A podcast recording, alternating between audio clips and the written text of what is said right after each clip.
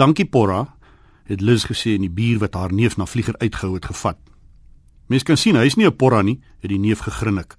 As hy was, het hy jou al lankal gestuur om 'n bier te kry. Gesondheid boertjie. Ek drink nie, het vlieger gesê. Om beter jy begin. Die jong man het die bottel hoër gelig. Oom Manny wil jou sien. Liz se pa was saam met drie ander monks langs die vuur met 'n braaivork in sy hand. Drink bietjie Louis Light juice, dit sal hom minder skerry maak, het die neef gelag. Vlieger het die koue bottel by Liz gevat. Die jong man het weggestap.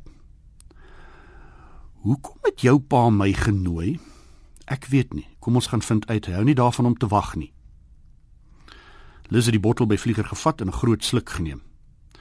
Vlieger self het 'n sluk geneem en opgestaan. Hy kon voel hoe die bier reguit na sy kop toe gaan. Liz het sy hand gevat. Hulle het na die vuur gestap. Die ander drie mans het verdwyn. Liz het Vlieger aan haar pa voorgestel. Hm. Haar pa het geknik. En vir Liz gesê sy moet in die kombuis gaan help. Vlieger se tong was swaar van te veel bier wat te vinnig gedrink is.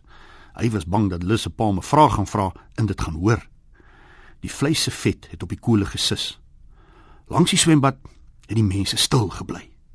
Vlieger kon voel dat almal na hulle kyk. Vlieger, het die ouer man gesê en van die vuur af opgekyk.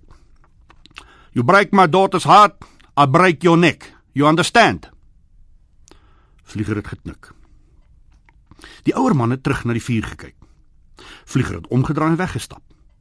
In die huis het iemand hard deur Jean Rockwell op die hi-fi gesit. Vlieger het onthou dat Jean Rockwell se regte naam Gert Smit was. Liz het met 'n bord wat lemoenskywe by die agterdeur uitgekom. En Vlieger het gevoel asof hy op wolke loop.